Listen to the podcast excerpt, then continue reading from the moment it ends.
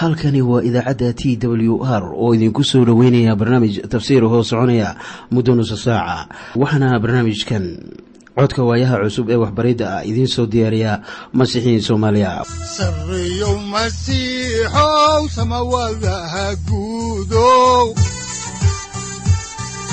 Siraadkii adduunkow subanaha eebow sareyow masiixow samawadaha guudow siraadkii adduunkow subanaha eebow adigoo samaada jiro ifkan soo saldhiganba adigoo samaada jiro ifkan soo saldhiganba kutubtiisanaye wuxunogu saaciiday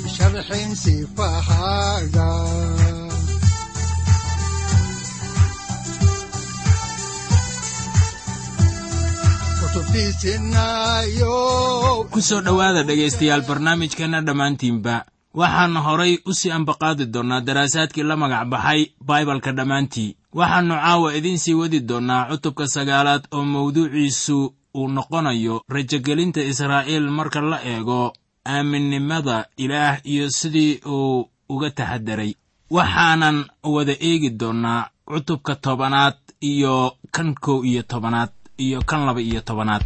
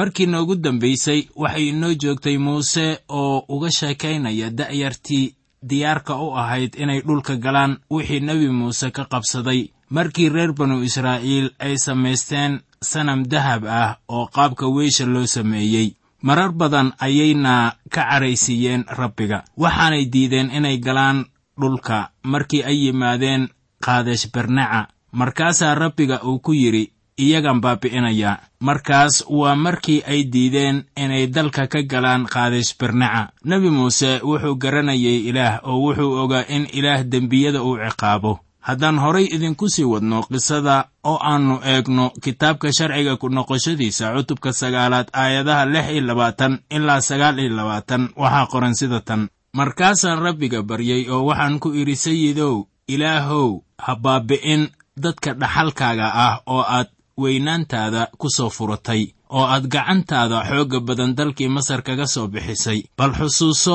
addoommadaadii ibraahim iyo isxaaq iyo yacquub oo ha fiirin dadkan madax adkaantooda ama xumaantooda amase dembigooda. Waaba intaasoo dadkii aad dalkoodii nooga soo bixisay yidhaahdaan rabbigu ma u awoodin inuu iyaga geeyo dalkii uu u ballanqaaday oo nacaybkii uu iyaga u qabay aawadiis ayuu u bixiyey si uu cidlada ugu laayo. Laakiin iyaga waa dadkaagii iyo dhaxalkaagii aad xooggaaga weyn iyo cududdaada fidsan ku soo bixisay. Haddaba haddaan faallada dib ugu soo noqonno ayaa nebi muuse wuxuu garanayaa sida ilaah loo baryo. Waxaad xusuusataa waxa ilaah uu ku leeyahay aayadda laba iyo tobanaad ee isla cutubkan. Markaasoo uu lahaa dadkii aad masar ka soo bixisay way isqarribeen bal waxaad khiyaastaa waxa nebi muuse uu ku leeyahay ilaah. Wuxuuna yidhi iyagu ma ahan dadkayga laakiin waa kuwaagii.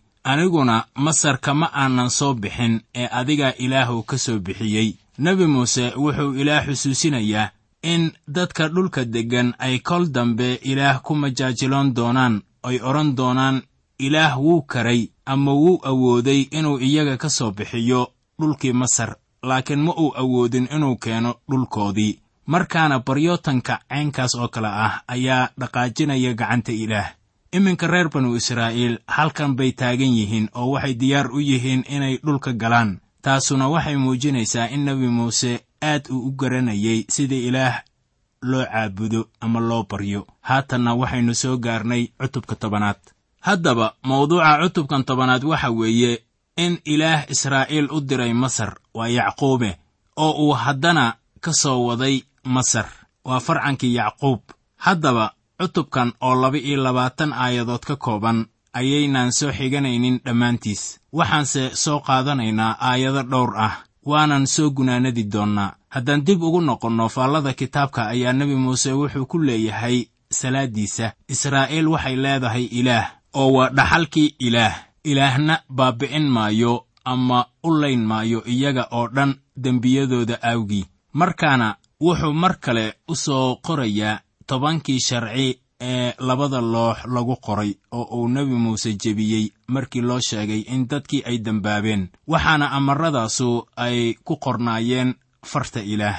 Haddaan markii ugu horraysay idiin soo xiganno cutubkan tobanaad aayadihiisa kow ilaa labo ayaa waxaa qoran sida tan markaasaa rabbigu wuxuu igu yidhi waxaad soo qortaa laba loox oo dhagax ah oo kuwii hore u eg oo buurta iigu kaalay oo waxaad kaloo samaysataa sanduuq qori ah oo looxyada waxaan ku qori doonaa erayadii ku yiilay looxyadii hore oo aad jebisay oo markaas waa inaad sanduuqa ku dhex riddaa. Haddaba nebi muuse wuxuu keenay looxyadii dhagaxa ka samaysnaa wuxuuna geliyey sanduuqa. Dabadeedna reer banu israa'iil waxay sii wateen safarradoodii. Haddaan hoos u daadegno ayaannu markaan soo qaadanaynaa cutubka tobanaad aayadaha siddeed ilaa sagaal waxaana qoran sida tan. Oo waagaas ayaa rabbigu qabiilka reer laawi u soocay inay sanduuqa axdiga rabbiga qaadaan. Iyo inay rabbiga hortiisa istaagaan oo ay isaga u adeegaan iyo inay magiciisa ku duceeyaan ilaa maantadan la joogo. Oo sidaas daraaddeed laawi walaalihiis lama lahan qayb iyo dhaxaltoona dhaxalkiisa waxaa ah rabbiga sidii rabbiga ilaahaga ahu ku yidhi. Marka waxaa inta yaalla cashar ruux ahaaneed marka reer laawi ay noqonayaan wadaaddada ayaa maanta kiniisaddu ay u tahay boqortooyo wada wadaadda ah waxaa taas loola jeedaa in masiixi waliba ee ku jira ciise masiix uu yahay wadaad. Haddaba wadaaddada ahdiga cusub waxay isku bixinayaan ilaah oo ay caabudayaan baryayaan oo welibana ay u adeegayaan. Waxaana laga doonayaa wadaadka ama khaliifka caynkaas ah inuu lahaado hadiyad wadaadnimo sida ku qoran warqaddii koowaad ee rasuul bawlos uu u qoray dadka korintos cutubka laba iyo tobanaad aayadaha kow ilaa labo waxaad haddaba ogaataa in qabiilka reer laawi ay ahayd inayan wax hanti ah ama dhaxal ah lahaanin. Ilaah baa dhaxalkooda ah. Reer banu israa'iilka kale waa kow iyo tobanka kale eh. Waxaa loo ballanqaaday dhul ilaa iyo dhowr hegtar ah waana la barakadeeyey. Laakiin barako la mid ah tii la siiyey qolooyinkii kale lama siinin reer laawi waxaa la mid ah reer laawi ama heerkooda jooga maanta masiixiyiinta isla sida reer laawi ayaa iyana waxaynu dhaxal u helaynaa ilaah. Waxaa laynagu barakadeeyey barakooyinka ruuxa ilaah. Haddaan soo xiganno aayadda laba iyo tobanaad ee cutubka tobanaad ee kitaabka sharciga ku noqoshadiisa ilaa aayadda saddex iyo tobanaad. ayaa waxaa ku qoran hadda reer banu israa'iilow bal maxaa rabbiga ilaahiinna ahu uu idinka doonayaa inaad rabbiga ilaahiinna ah ka cabsataan oo aad jidadkiisa oo dhan ku socotaan oo aad isaga jeclaataan oo aad rabbiga ilaahiinna ah ugu adeegtaan qalbigiinna oo dhan iyo naftiinna oo dhan oo aad xajisaan amarradiisa aan maanta idinku amrayo wanaaggiinna aawadiis mooyaane. Iminka yaanay idinla noqonin in hadalladanu ay yihiin ama ka imaanayaan injiilka. Ma ahan hadallo ka imaanaya injiilka. Aniga iyo adiga waa inaan ilaah taas uga mahad celinnaa waayo haddii aniga iyo adigana ay ina saamayn lahaayeen hadalladaasi. Barako badan ma aynaan heleen waayo waxaynu ku xidhnaan lahayn sharciga. Oo haddii aynu gaari weyno heerkiisa waynu dhici lahayn. Haddii ay israa'iilna dhowri lahayd sharcigaas waa la barakadayn lahaa. Markii ay jibinayaanna xukun baa ku soo degaya. Ilaah muddo kun iyo shan boqol oo sannadood gaaraysa ayuu dunidan tusayey inaannu cidna ku badbaadinaynin sharciga. Dadkan reer banu israa'iil oo xaaladihii ay dalka ku galeen ahaa mid wacan oo dalka ku galay sharci ayaa awoodi waayey inay dhowraan sharcigaas. Haddii markaasi kuwaasu ay awoodi waayeen inay sharciga xajiyaan ayaa waxaa cad in aniga iyo adigaba aynan xajinaynin ama dhowri karin sharcigaas waxaa mahad leh ilaah inagu badbaadiyey nimcadiisa maanta. Bilxaqiiqo nimco ayay ahayd wixii lagu soo badbaadiyey taasoo tilmaan u ahayd imaanshaha masiixa ee ah inuu ku dhiman doono iskutallaabta oo uu qaadi doono dembiyadeenna. Haddaan horay idinku sii wadno cutubkan gaaban ayaannu hoos u soo daadegaynaa mar kale. Waxaanan eegaynaa aayadda siddeed iyo tobanaad waxaana qoran sida tan. Wuxuu u garsooraa agoonta iyo carmalka. Shisheeyahana wuu jecel yahay wuxuuna siiyaa dhar iyo dhuuni. Haddaba waxaa cad in ilaah uu jecel yahay qariibka wuxuuna kuwaas xusuusinayaa. Waa reer banu israa'iile inay iyagaba qariib ku ahaayeen dhulkii masar. Haddaan horay idinku sii wadno xigashadan ayaannu eegaynaa cutubka tobanaad aayadaha sagaal iyo toban ilaa labaatan. Waxaana qoran sida tan haddaba sidaas daraaddeed idinku shisheeyaha jeclaada maxaa yeelay idinkuba shisheeyayaal baad ku ahaydeen dalkii masar oo waa inaad rabbiga ilaahiinna ah ka cabsataan oo aad u adeegtaan waana inaad ku dhegtaan oo aad magaciisana ku dhaarataan.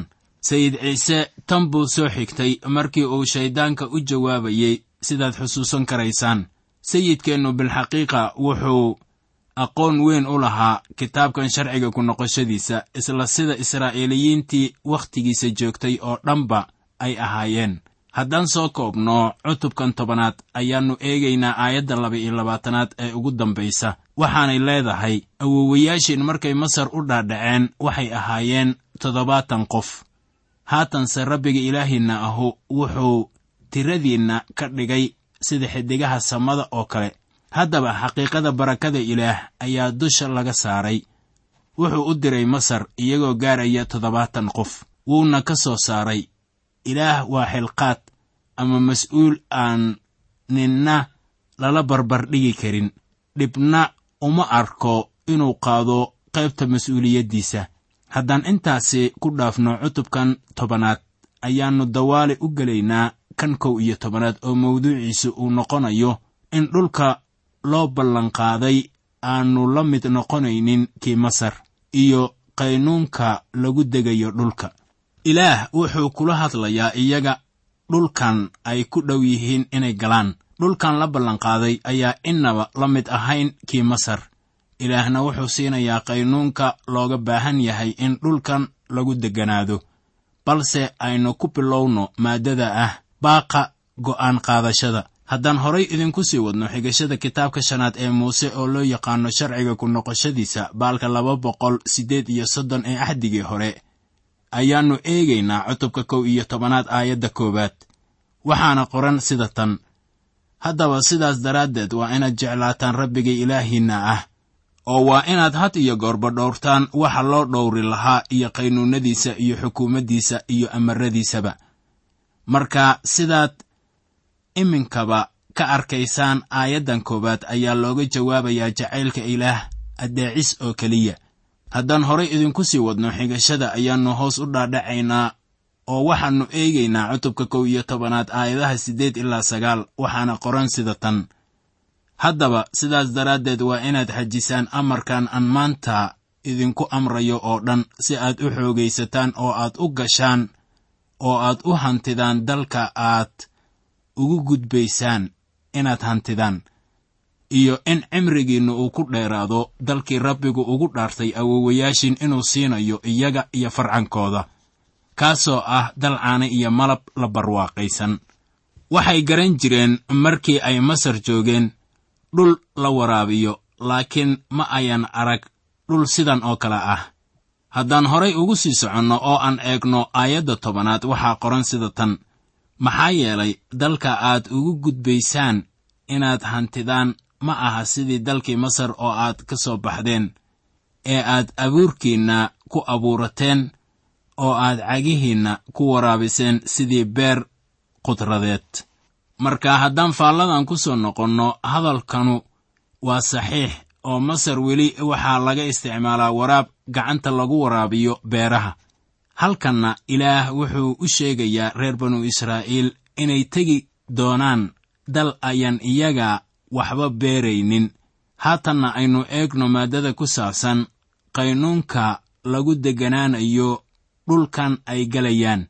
Haddaan xigashada kitaabka halkaasi idinka sii wadno oo aan eegno kitaabka sharciga ku noqoshadiisa cutubka kow iyo tobanaad aayadaha kow iyo toban ilaa shan iyo toban waxaa qoran sida tan laakiinse dalka aad uga gudbaysaan inaad hantidaan waa dal leh buuro iyo dooxooyin oo wuxuu biyaha ka cabaa roobka samada oo waa dal rabbiga ilaahiinna ahu uu xanaaneeyo waayo rabbiga ilaahiinna ahu indhihiisa ayaa fiiriya. Tan iyo sannada bilowgeed iyo xataa sannada dabaadigeeda oo haddaad aad u dhegaysataan amarrada aan maanta idinku amrayo oo ah inaad rabbiga ilaahiinna ah jeclaataan oo aad isaga ugu adeegtaan qalbigiinna oo dhan iyo naftiinna oo dhan dee markaas dalkiinna roobka waxaan siin doonaa xilligiisa kaas oo ah roobka hore iyo roobka dambe. Inaad soo urursataan haruurkiinna iyo qamrigiinna iyo saliiddiinna oo berrimadiinnana waxaan ka buuxin doonaa doog ay xoolihiinnu daaqaan oo idinkuna wax baad cuni doontaan waadna dhergi doontaan. Dhulka ay reer banu israa'iil galayaan isla iminkaba waa mid aan ku habboonayn in la waraabiyo. Waayo waa dhul buuraley ah. Mana la haysanin qalabka casriga ah ee maanta la haysto. Dhulkaasu wuxuu ku xidhnaanayaa roobka samada sare ka yimaada ilaah taas ujeeddo ayuu ka leeyahay waayo wuxuu keenayaa ama soo dejinayaa dhul isaga ugu xidhan waraab ahaan. Taasuna waxay dadka ku soo dhowaynaysaa ilaah. Haddaan horay uga sii soconno oo aannu eegno cutubka kow iyo tobanaad aayadaha laba iyo labaatan ilaa shan iyo labaatan waxaa qoran sida tan. Maxaa yeelay haddaad aad u xajisaan kulli amarka aan idinku amrayo oo dhan inaad yeeshaan. Kaasoo ah inaad rabbiga ilaahiinna ah jeclaataan oo aad jidadkiisa oo dhan ku socotaan oo aad isaga ku hadhaan. Markaasuu rabbiga hortiinna ka wada eryi doonaa quruumahaas oo dhan oo waxaad hantiyi doontaan quruumo idinka badan oo idinka xoog weyn oo meel kasta oo aad cagta dhigtaanba idinkaa iska yeelan doona. Tan iyo cidlada iyo ilaa lubnaan iyo ilaa webiga kaasoo ah webi yufraad iyo xataa ilaa badda galbeed oo ninnaba ma awoodi doono inuu idin hor istaago oo rabbiga ilaahiinna ahu wuxuu dalkii aad cag marin doontaan oo dhan saari doonaa cabsidiinna iyo naxdintiinna siduu idin sheegay. Waxaad halkan ka ogaanaysaa in dhulkan ilaah u siiyey iyaga hadiyad ahaan. Wuxuu siiyey iyaga dhul ka weyn wax kasta oo ay arkeen wuxuu ka bilaabanayaa webiga yufratis ilaa iyo badda mediteraneyanka waxay kaloo leeyihiin ka bilaabata lubnaan ilaa iyo cidladii ay ku yimaadeen. Dhulkaas ilaah uu sheegayo wuxuu gaarayaa baaxad ahaan in ka badan saddex boqol oo kun oo mayl oo laba jibbaaran laakiin weligood ma ayan hantiyin. Dhul ka badan soddon kun oo mayl oo laba jibbaaran dhulkaas wuxuu hor yaallaa reer banu israa'iil. Waxaana la siiyey iyaga laakiin kama ayan faa'iidaysan oo kuma ayan socon oo ma hantiyin dhammaantiis. Wuxuuna ku yidhi waa inay hor iyo dib ugu socdaan dhulka si ay u hantiyaan ama u lahaadaan. Waxay u muuqataa inay ku qanceen intii ay heleen oo ayan isku taxallujinin inay meelo kale qabsadaan. Waxaa taasi la mid ah masiixiyiinta oo aad arkaysaan inaanay qaarkood lahayn barakada ruuxa. Waxaad kaloo arkaysaa in qaar kalena ay leeyihiin barakada ruuxa. Waxaana taasi sabab u ah iyadoo hadiyaddii ama hantidii layna siiyey aan loo isticmaalin sidii ku habboonayd. Waxaa kaloo maanta la iloobay addeecista ilaah iminkase waxaan rumaysanahay anigu nimcada ilaah oo dadkana taas ayaan ku wacdinayaa. Haddaan soo koobo cutubkan kow iyo tobanaad oo aan eego aayadihiisa lix iyo labaatan ilaa siddeed iyo labaatan waxaa qoran sida tan. Bal eega maanta waxaan idin hordhigayaa barako iyo habaar. Barakada waxaad helaysaan haddaad dhegaysataan amarada rabbiga ilaahiinna ah oo aan maanta idinku amrayo. Habaarkuna wuxuu idinku dhacayaa haddaydnaan dhegaysan amarada rabbiga ilaahiinna ah. Laakiin aad gees uga leexataan jidka aan maanta idinku amrayo oo aad ilaahyo kale oo aydnaan aqoon raacdaan. Haddaan intaasi ku soo koobno cutubka kow iyo tobanaad ayaannu haatan si toos ah u abbaaraynaa cutubka laba iyo tobanaad. Haddaba waxaad la yaabaysaa waxa aynu u soo gaabinayno mararka qaar aayadaha cutubyada. Haddaan taasi kaaga jawaabo ayaan kuu sheegayaa dhegaystow in aayadaha qaar ay isku soo noqnoqonayaan oo aynu horay ugu soo aragnay cutubyadii hore ee kitaabka baxniintii ama laawiyiintii. Haddaba haddaan ka faalloonno cutubkan laba iyo tobanaad ayaa mawduuciisu wuxuu noqonayaa israa'iil oo lahaanaysa oo keliya hal meel oo ay wax ku caabudaan marka ay dhulkan la ballanqaaday soo galaan. Laakiin markaan eegno taariikhda reer banu israa'iil ayaannu arkaynaa in ilaah kol dambeeto uu amray in yeruusaalem la dhigo macbuudka ay wax ku caabudayaan. Haddaba su'aasha soo baxaysa ayaa waxay noqonaysaa muxuu ilaah u amri waayey in meel waliba laga dhigo rug wax lagu caabudo. Waxaan u malaynayaa markay halkaasi joogto in asbaabtu ay iska caddahay waxaa dhulka ka jiray asnaam caabud. Waxaana lagu amray in asnaamta la burburiyo maadaama ayaan burburin. Weli asnaamtoodii wakhtigaas ayaa ilaah uu ku amrayaa inay hal meel wax ku caabudaan. Tanina waxay midaynaysaa caabudista ilaah ay caabudayaan waxayna noqonayaan hal qaran. Waxay u tegayaan sida qof keliya marka ay ku sii socdaan inay ciidaha qoran ku maamuusaan yeruusaalem waxaase maanta meeshii ka baxay in ilaah hal meel lagu caabudo. Sayid ciise masiix ayaa asbaabta taas loo sameeyey inoogu sheegaya injiilka sida yooxanaa uu u qoray baalka boqol lixdan iyo sagaal ee axdiga cusub. Cutubka afaraad aayadaha kow iyo labaatan ilaa afar iyo labaatan waxaana qoran sida tan markaasaa ciise wuxuu ku yidhi naag yahay i rumee saacaddu waa imaanaysaa. Markii aydnaan aabbaha ku caabudi doonin ama buurtan ama yeruusaalem midnaba idinku waxaad caabuddaan waxaydnaan aqoon. Annaguse waxaannu caabudnaa waxaannu naqaan. Waayo badbaadinta waxay ka timaadaa yuhuudda laakiin saacaddii baa imaanaysa waana joogtaa iminkada markii caabudayaasha runta ahi ay aabbaha ku caabudi doonaan ruuxa iyo runta. Waayo aabbuhu wuxuu doonayaa caabudayaashaas oo kale. Ilaah waa ruux kuwa caabudaa isagana waa inay ku caabudaan ruuxa iyo runta. Sidaannu arkaynaba kuwa ilaah rumaysan hal meel isuguma yimaadaan maanta. Waxaannu isku urursannaa magaca masiixa laakiin ma ahan in kiniisadaha sida ay u kala duwan yihiin loo kulmo haddaan intaasi ku soo ekayno faallada guud ee cutubka ayaannu haatan eegaynaa maaddada ugu horraysa ee ah in israa'iil ay leeyihiin hal meel oo ay ilaah ku caabudayaan. Si aynu xaalkaasi wax uga ogaanno ayaannu u baahan nahay inaan isla eegno kitaabka sharciga ku noqoshadiisa baalka laba boqol sagaal iyo soddon ee axdigii hore cutubka laba iyo tobanaad aayadaha kow ilaa afar.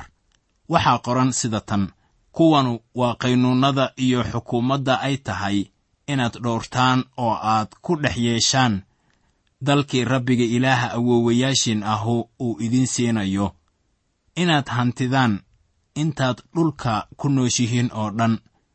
Oo idinku hubaal waa inaad wada baabi'isaan meelaha ay quruumaha aad hantiyi doontaan ilaahyadooda ugu adeegi jireen oo dhan meelahaas oo ah kuwa buuraha dhaadheer ku hor yaal iyo kuwa kuraha ku yaal iyo kuwa geed kastoo dheer oo doog ah ku hoos yaal oo waa inaad meelahooda allabariga dumisaan oo aad tiirarkoodana wada burburisaan oo aad geedahooda asheeraahna gubtaan oo sanamyada xardhan oo ilaahyadoodana waa inaad jartaan oo magacoodana waa inaad meeshaasi ka baabi'isaan.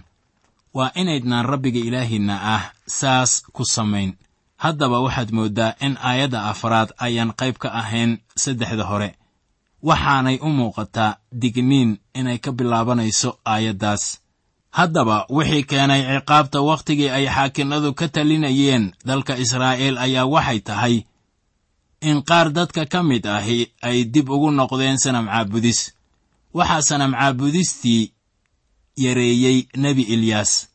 Markii kuwii asnaamta caabudi jiray iyo isaga la tartansiiyey waxaana dhacday in kuwo badan oo asnaam caabudayaal ah ay bilaabeen inay sanamyadoodii wax weyddiiyaan laakiin sanam hadli maayo waxaa dhacday in calaamad la waayey nebi ilyaasna sidii uu ilaah weyddiistay bay u noqotay oo allabarigii uu bixiyey ayaa ilaah dab uu ugu soo jawaabay waxaana halkaasi ku ceeboobay kuwii asnaamta caabudi jiray waana la laayey wuxuuna nebigu aad ugu soo hor jeeday sanam caabudka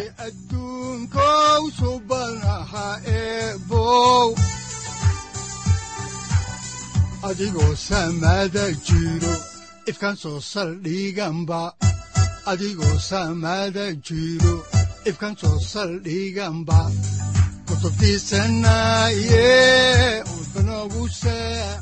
halkani waa t w r idaacadda t w r oo idinku leh ilaa ha idin barakeeyo oo ha idinku anfaco wixii aad caawi ka maqasheen barnaamijka. Waxaa barnaamijkan oo kalea aad ka maqli doontaan habeen dambe. Hadahan oo kale haddiise aad doonaysaan in aad fikirkiina ka dhiibataan wixii aad caawi maqasheen ayaad nagala soo xiriiri kartaan som t w r at t w r c o k e haddii aad doonaysaan in aad dejiisataan oo kaydsataan barnaamijka ama aad mar kale dhegaysataan fadlan mar kale booqo www t w r o r g. Amase www t t b t w r o r g. Amase waxaad teleefoonkaaga ku kaydsataa ama ku download garaysataa agabyada.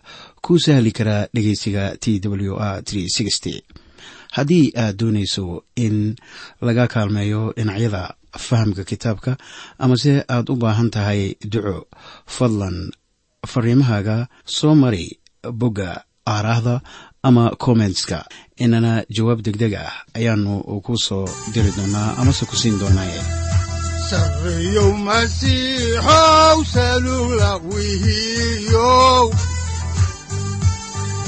Saacadda timid dhulka sabada ku dhalatiyo